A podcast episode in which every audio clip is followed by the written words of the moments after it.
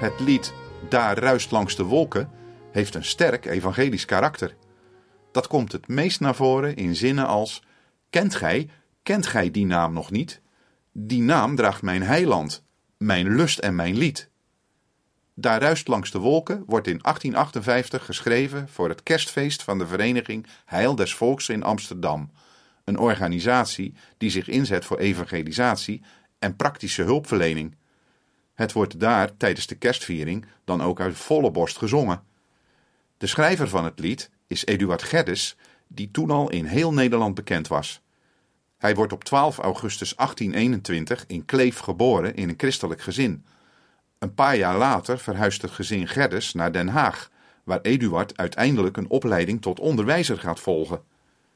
Zijn beroep als taalleraar oefent hij eerst uit in het Duitse Bielefeld, maar tijdens een ernstige ziekte krijgt hij het advies naar Nederland terug te gaan. Hij volgt dat advies op en keert terug naar Amsterdam. In die stad gebeurt er iets wat de verdere loop van zijn hele leven zal bepalen.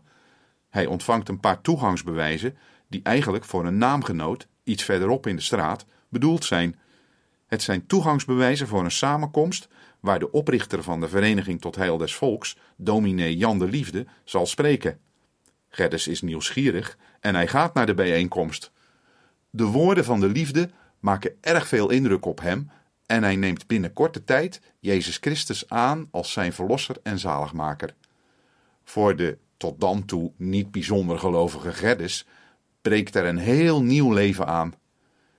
Hij bezoekt samenkomsten, doet dan evangelisatie en volgt een opleiding tot dominee. Ook begint hij te schrijven. Honderden boeken en liederen zullen van zijn hand komen.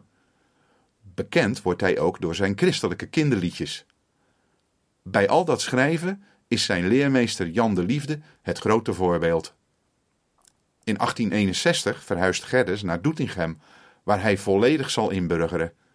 Zijn boeken, waarvan er veel in de achterhoek spelen, zoals De Speelman op de Wildeborg en De Zoon van de Bezembinder, worden bekend in heel Nederland.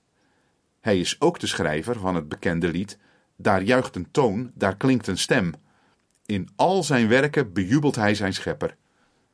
Eduard Gerdes sterft op 12 december 1898 en wordt in Doetinchem begraven.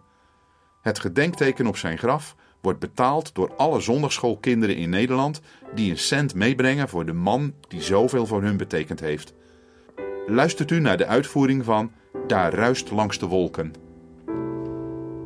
Daar ruist langs de wolken een lieflijke naam, die hemel en aarde verenigt te samen.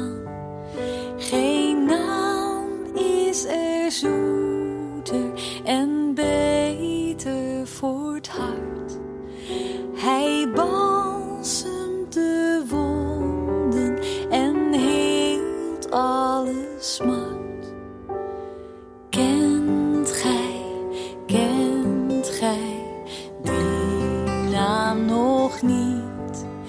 Die naam draagt mijn heiland, mijn lust en mijn